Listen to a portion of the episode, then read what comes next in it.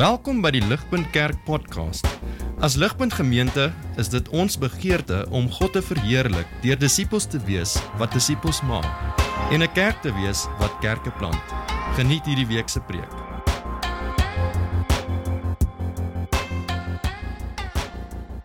John 11, verse 17. Now, when Jesus came, he found that Lazarus had already been in the tomb four days. Bethany was near Jerusalem, about two miles off, and many of the Jews had come to Martha and Mary to console them concerning their brother. So when Martha heard that Jesus was coming, she went and met him, but Mary remained seated in the house. Martha said to Jesus, Lord, if you had been here, my brother would not have died. But even now I know that whatever you ask from God, God will give you. Jesus said to her, Your brother will rise again. Martha said to him, I know that he will rise again in the resurrection on the last day. Jesus said to her, I am the resurrection and the life. Whoever believes in me, though he die, yet shall he live. And everyone who lives and believes in me shall never die. Do you believe this? She said to him, Yes, Lord, I believe that you are the Christ, the Son of God, who is coming into the world. When she had said this, she went and called her sister Mary, saying in private, The teacher is here and is calling for you. And when she heard it, she rose quickly and went to him.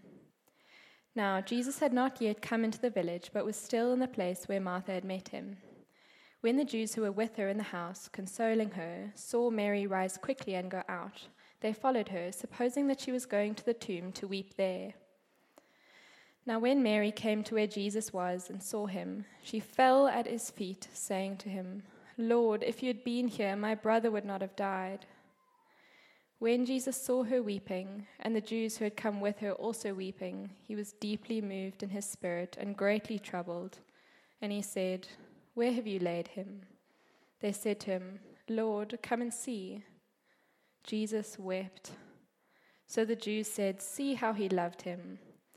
But some of them said, Could not he who opened the eyes of the blind man also have kept this man from dying? Then Jesus, deeply moved again, came to the tomb. It was a cave, and a stone lay against it.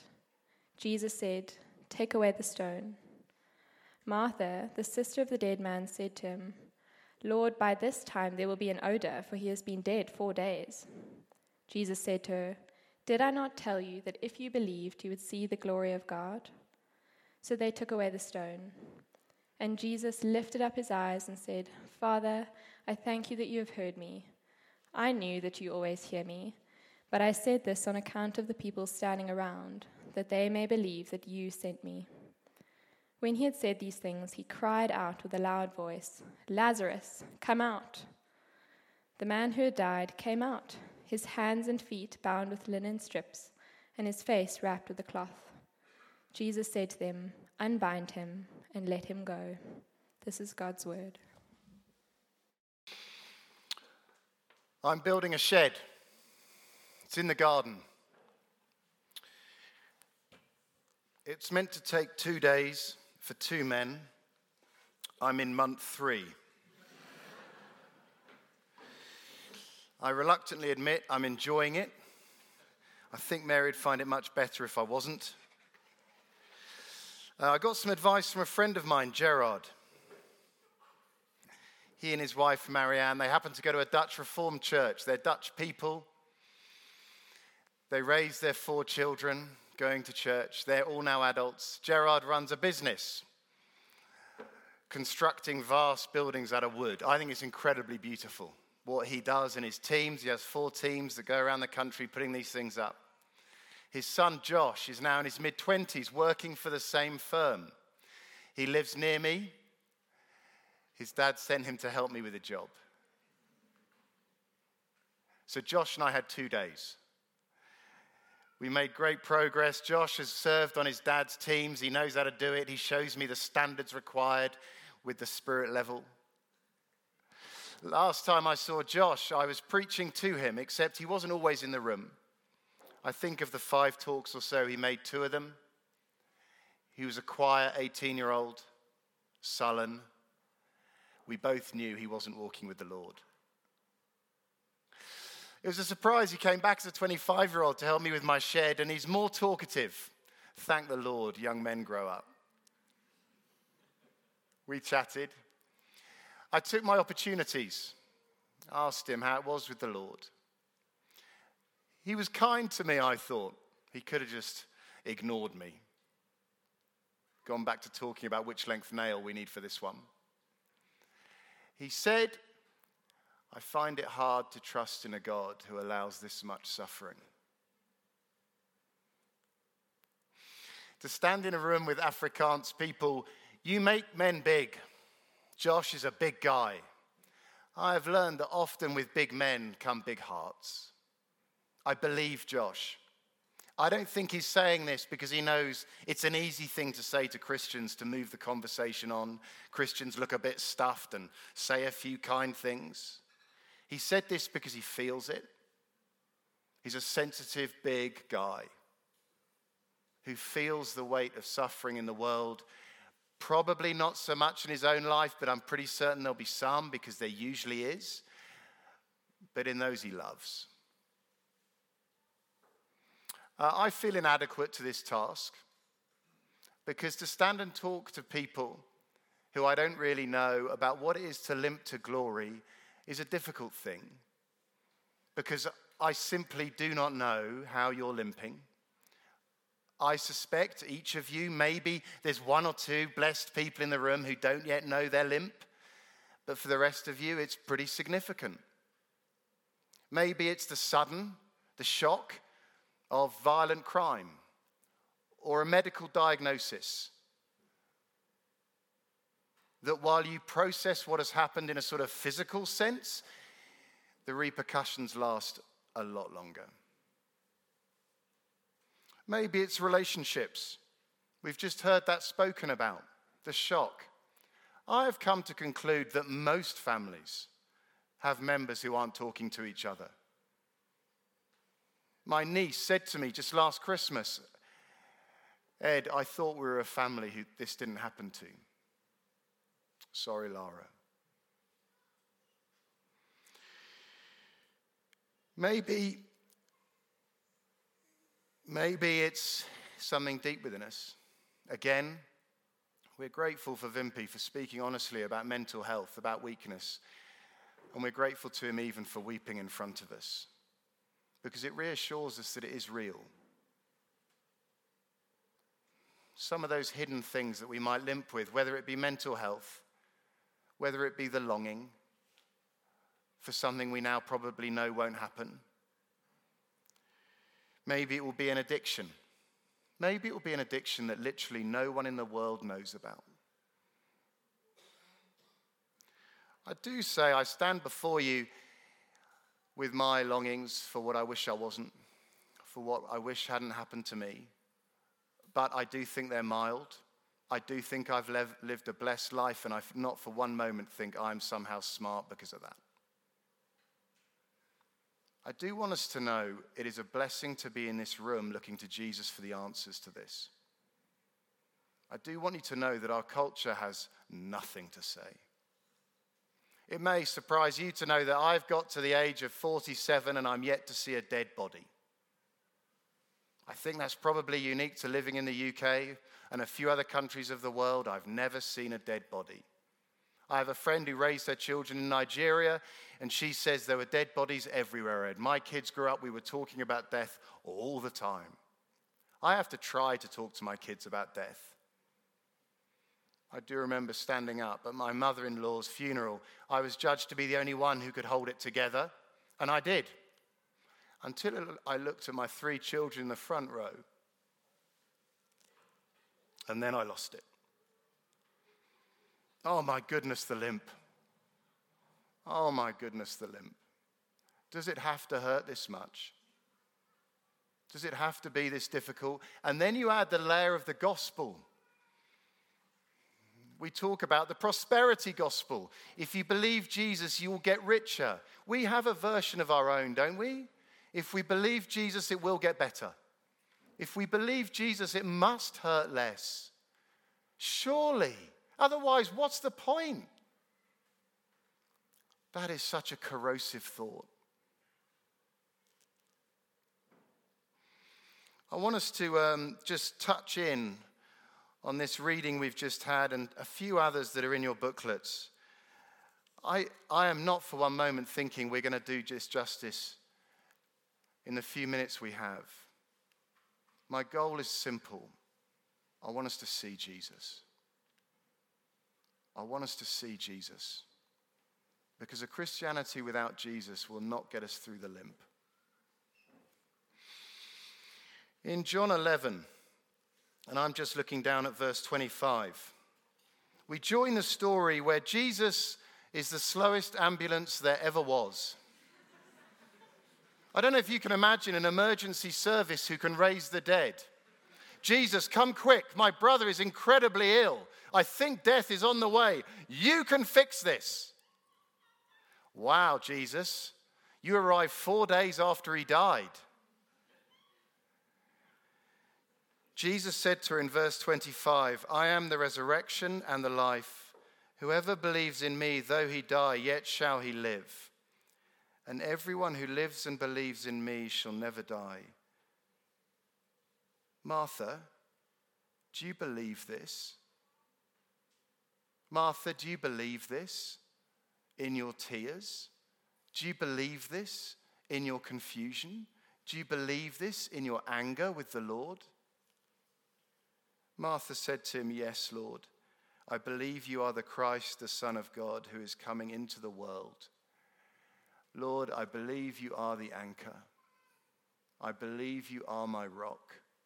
I believe you are the one I can trust as I bury my brother. I believe. Uh, I, we have a lovely bunch of friends. Uh, they are so much more godly than us. Uh, they have been missionaries in Africa. They are now missionaries in France.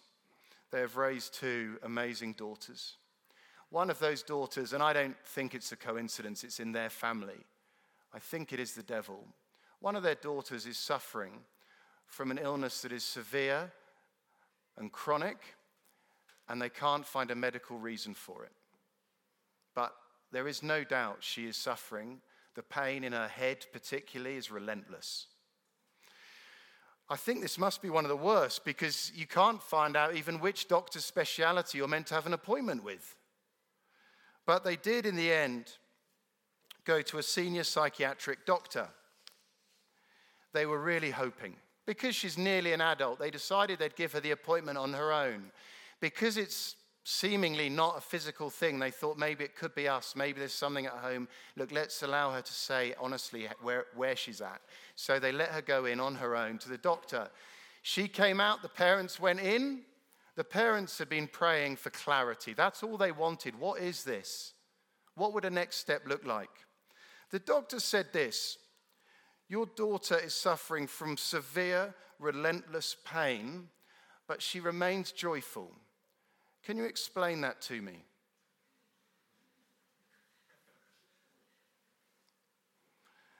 They didn't find an answer easy, but they said, We're Christians. We believe that in pain and suffering, Jesus walks with us. The doctor said, Where'd you find that? They literally opened their Bibles and said, In Psalm 23, we read, The Lord is my shepherd, I shall not want. Even though I walk through the valley of the shadow of death, I will fear no evil, for you are with me. He walks with us through the valley of the shadow of death. Our daughter believes this. Our daughter believes that in unimaginable pain, her Lord walks with her. The doctor said, Where else do you find this? They literally did a Bible study. They just went through the Bible. They left without a diagnosis. They told me this story because they were encouraged. Because they left that appointment thanking God. Pah, they are better people than me. Lord, be my rock, be my anchor, hold me firm Allow me to show joy when the pain is unimaginable. Amen. We read on. Verse 33. It's in your booklets. I'm in there now.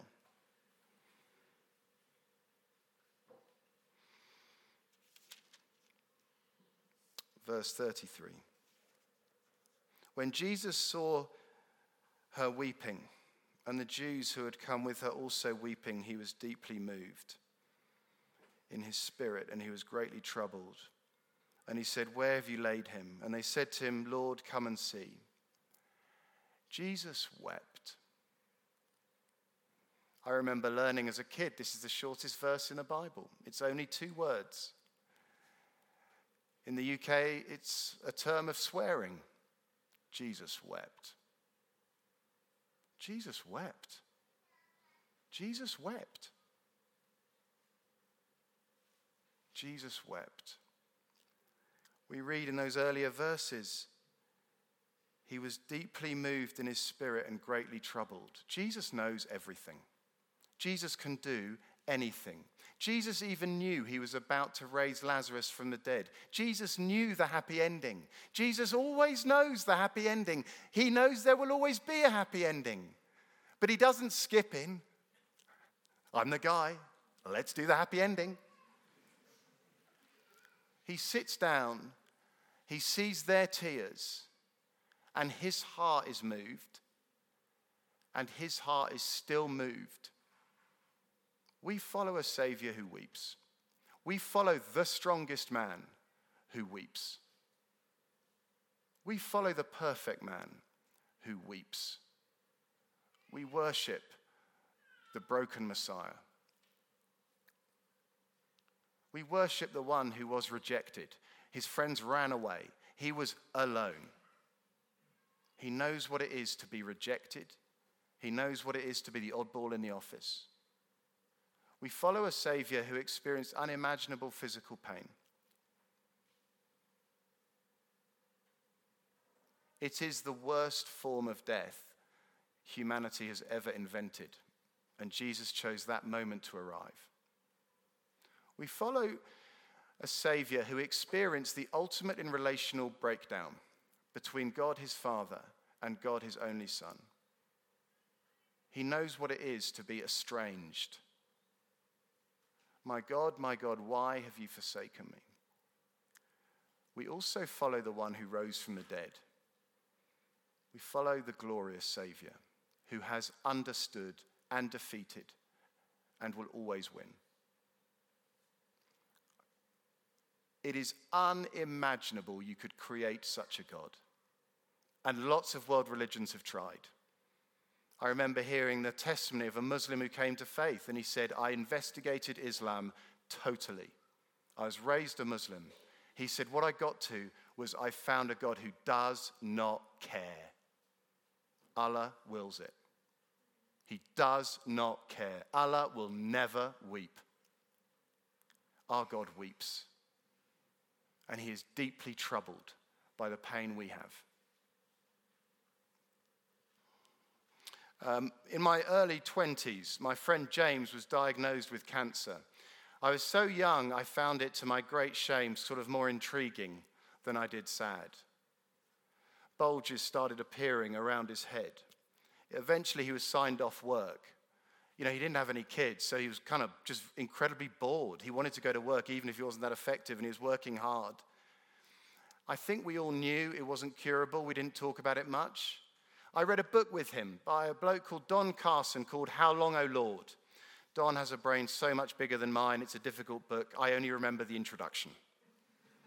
James and I read it together over coffee while he was at home bored out of his mind.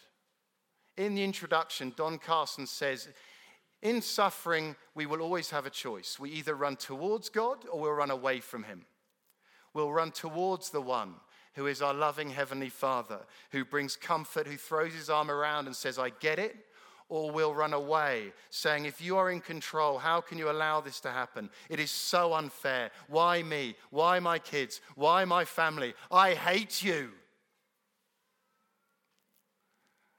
So Don then says, This book is to prepare you for the day you will suffer. It uh, turns out I only need the introduction.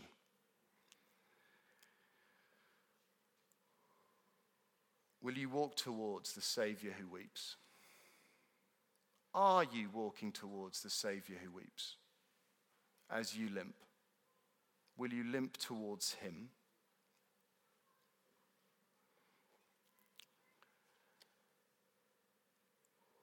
It's not an easy question to answer. It is worth just taking a moment, maybe even now. With my limp, am I walking towards the Savior?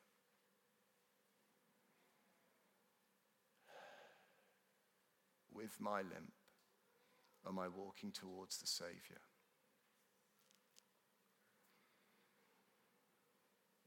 One John 3. We read it yesterday. In the NIV translation, there are two exclamation marks. My colleague says it's the only verse in the Bible with two exclamation marks. See what kind of love the Father has given to us that we should be called children of God, and so we are. The reason why the world does not know us is that it did not know Him. Ready? Beloved, we are God's children now, and what we will be has not yet appeared. But we know that when He appears, we shall be like him because we shall see him as he is. What? I'm going to be like Jesus? What? That can't be right. Have you met me? I'm going to be like Jesus. I will have a new identity. I am a child of God. I will be like him. Has that always been in the Bible? An end to my surprising moments of anger that I didn't know were there? Gone? An end to the urges and temptations I have that if just one of them was on the screen, I would just walk straight out the door and hope I never looked any of you in the eye again? Never again?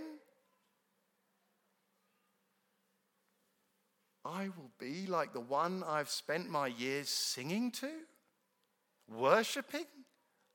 I will be like him.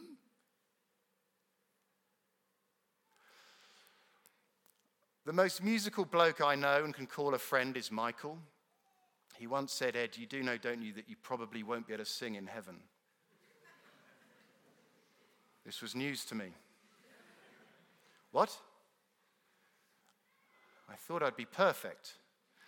The thing is, Ed, is your total inability to hold a tune is so absolutely you. I can't imagine an Ed who can sing in tune. Your singing is horrible.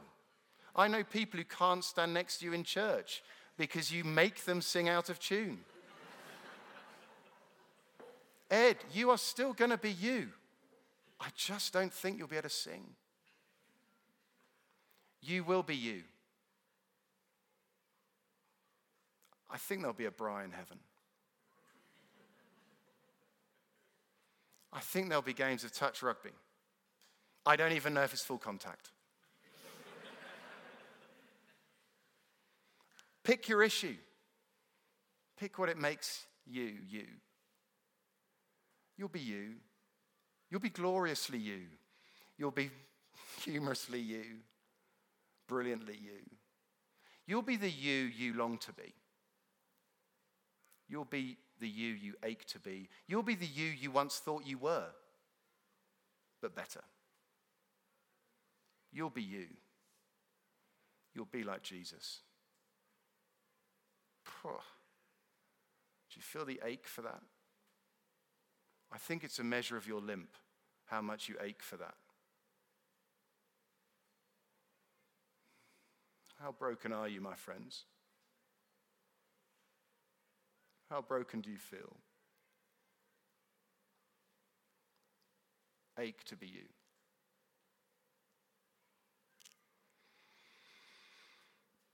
Revelation 7. Drink it in. After this I looked and behold, a great multitude that no one could count or number, from every nation, from all tribes and peoples and languages, standing before the throne and before the Lamb, clothed in white robes with palm branches in their hands and crying out with a loud voice Salvation belongs to our God who sits on the throne and to the Lamb. Salvation belongs to our God who sits on the throne and to the Lamb. He is on the throne. He is on the throne, and you are there, and you see him face to face, and you feel no shame, you feel no inadequacy. There is just joy. And you're surrounded. You're surrounded by your brothers and sisters. You're surrounded by every tribe and nation, every racial tension. Gone. Every social awkwardness vanished. I hold tight. I hold tight and I long for it. Uh, we have a podcast we do for parents where we're trying to deal with the everyday and the normal, as well as the difficult and the abstract and whatever it is. We're trying to, we're trying to say Jesus Christ speaks to every situation. We, uh, we interviewed a couple of Christians uh, whose son, Danny, has Duchenne muscular dystrophy. That means he's now the age of 10 he has hit his milestones of development as you'd expect, and now they're undoing. His body is wasting away.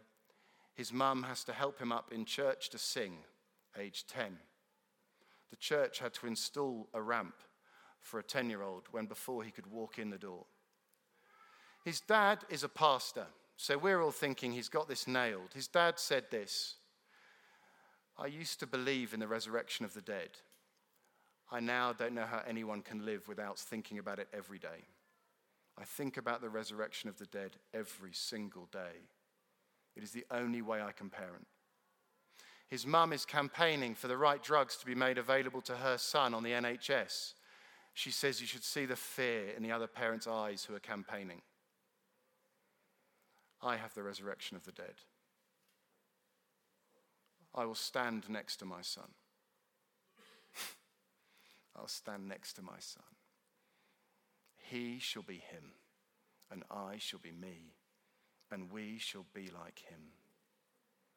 Our story has a happy ending. It has a happy now. It has a joyful now, even if there isn't a smile. It has a joy with a smile coming.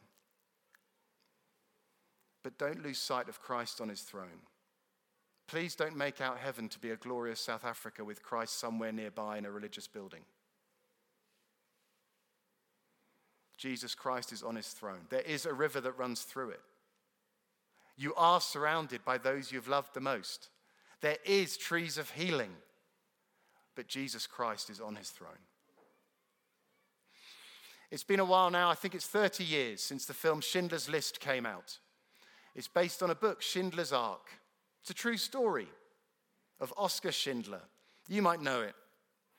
There is a scene in the film where Oskar Schindler has already done amazing things to get people out of Plaszow concentration camp uh, to work in his factory. And by working in his factory, they are saved from what could happen to them. But there comes a moment in the film when the whole concentration camp is being moved to Auschwitz, and we're all clear why they're being shipped to Auschwitz because it's industrial. So at this point, Oskar gets his life savings and he puts them into a trunk. And he makes a list of as many he can get out and put on a train. So he presents his trunks of money, literally trunks of money, to the concentration camp head to ship out as many people as he can to actually his hometown, which is still occupied. And he sets up a factory there which is incredibly ineffective. They're meant to be making munitions, but they fail to ever make one. And in this factory, there are kids because you can't take parents and leave their kids behind. And there are grandparents and there are the elderly because we've loved him for so many years. And there are, there are people missing limbs and there are people who can't walk and there are people who can't load the machines. And Oskar bribes the guards with whatever money he has left, and it's almost none, so that they never come into the factory. He buys munitions from another factory to bring to his factory to say, We're producing something useful.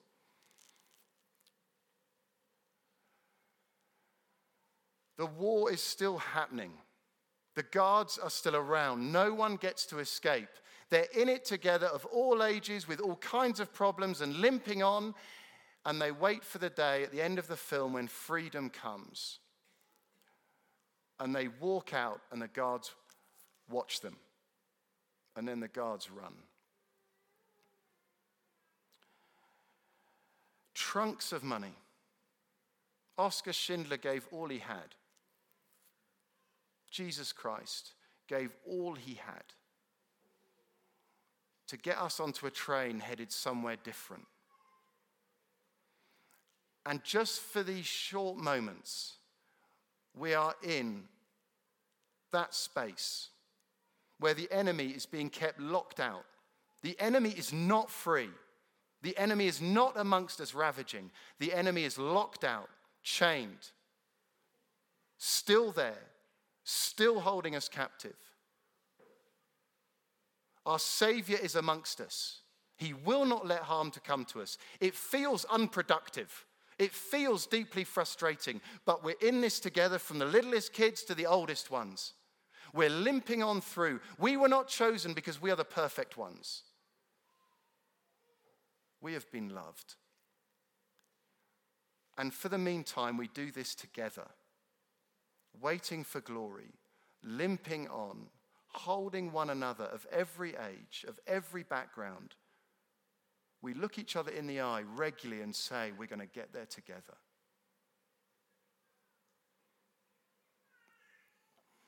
So if you sit here limping,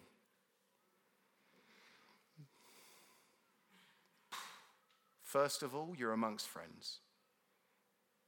Let's keep limping together. Let's keep talking about it. Am I the only one who's thinking, thank the Lord, it's Vimpy? Am I the only one who's thinking, poor guy, having to tell us all? Does someone know your limp? Someone who sat near you? Does your home group know your limp? Are we sharing the limp? Are we loving each other in the limp? If we're sat here without a limp, thank the Lord. Lend a hand, would you?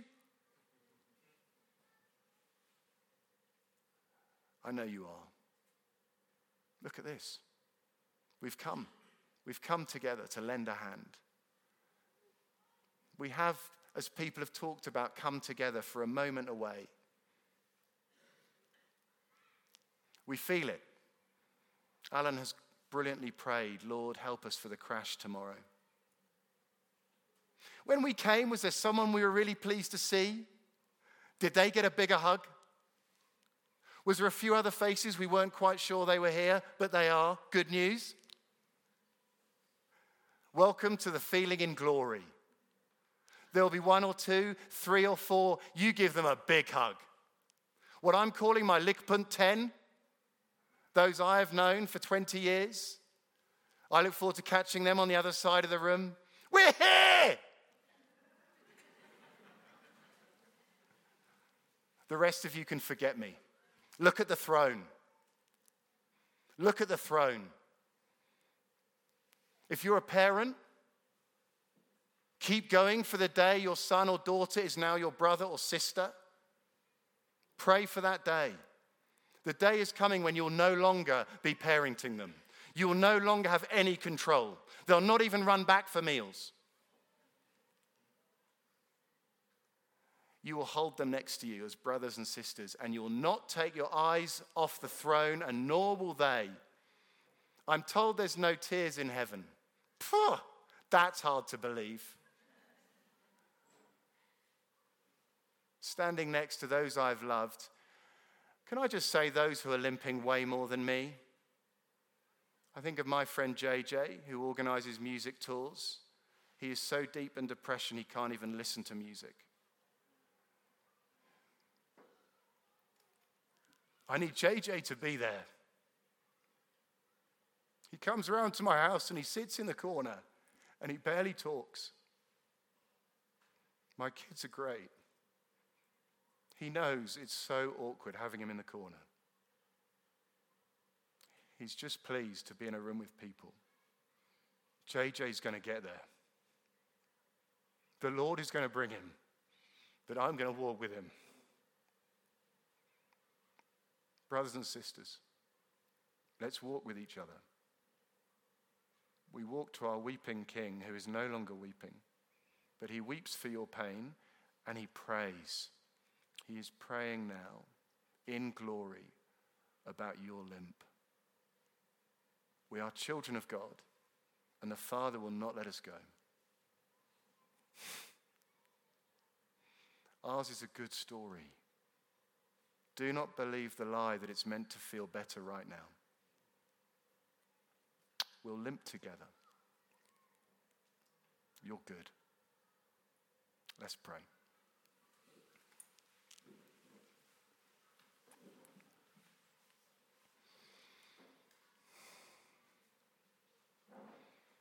Father, I thank you. Oh, my goodness, I thank you. We thank you, Father, that we have a language for this. We thank you, you have turned back, opened the curtain, and we can see behind. We understand why this is happening. We can make sense. We have a language. We can have a conversation. We have some answers. Father, I pray for those of us in here who cannot trust a God who allows this much pain. I pray for them, Father. I pray for them that they'd sit with the weeping Savior who says, I feel it. We pray, Father, for those of us who know we're your children. Father, would we walk with one another together as you walk with us all the way through the gates of glory? Thank you, Father. Amen. Vir meer inligting oor Ligpunt Kerk, besoek gerus ons webwerf op www.ligpunt.com of kontak ons gerus by info@ligpunt.com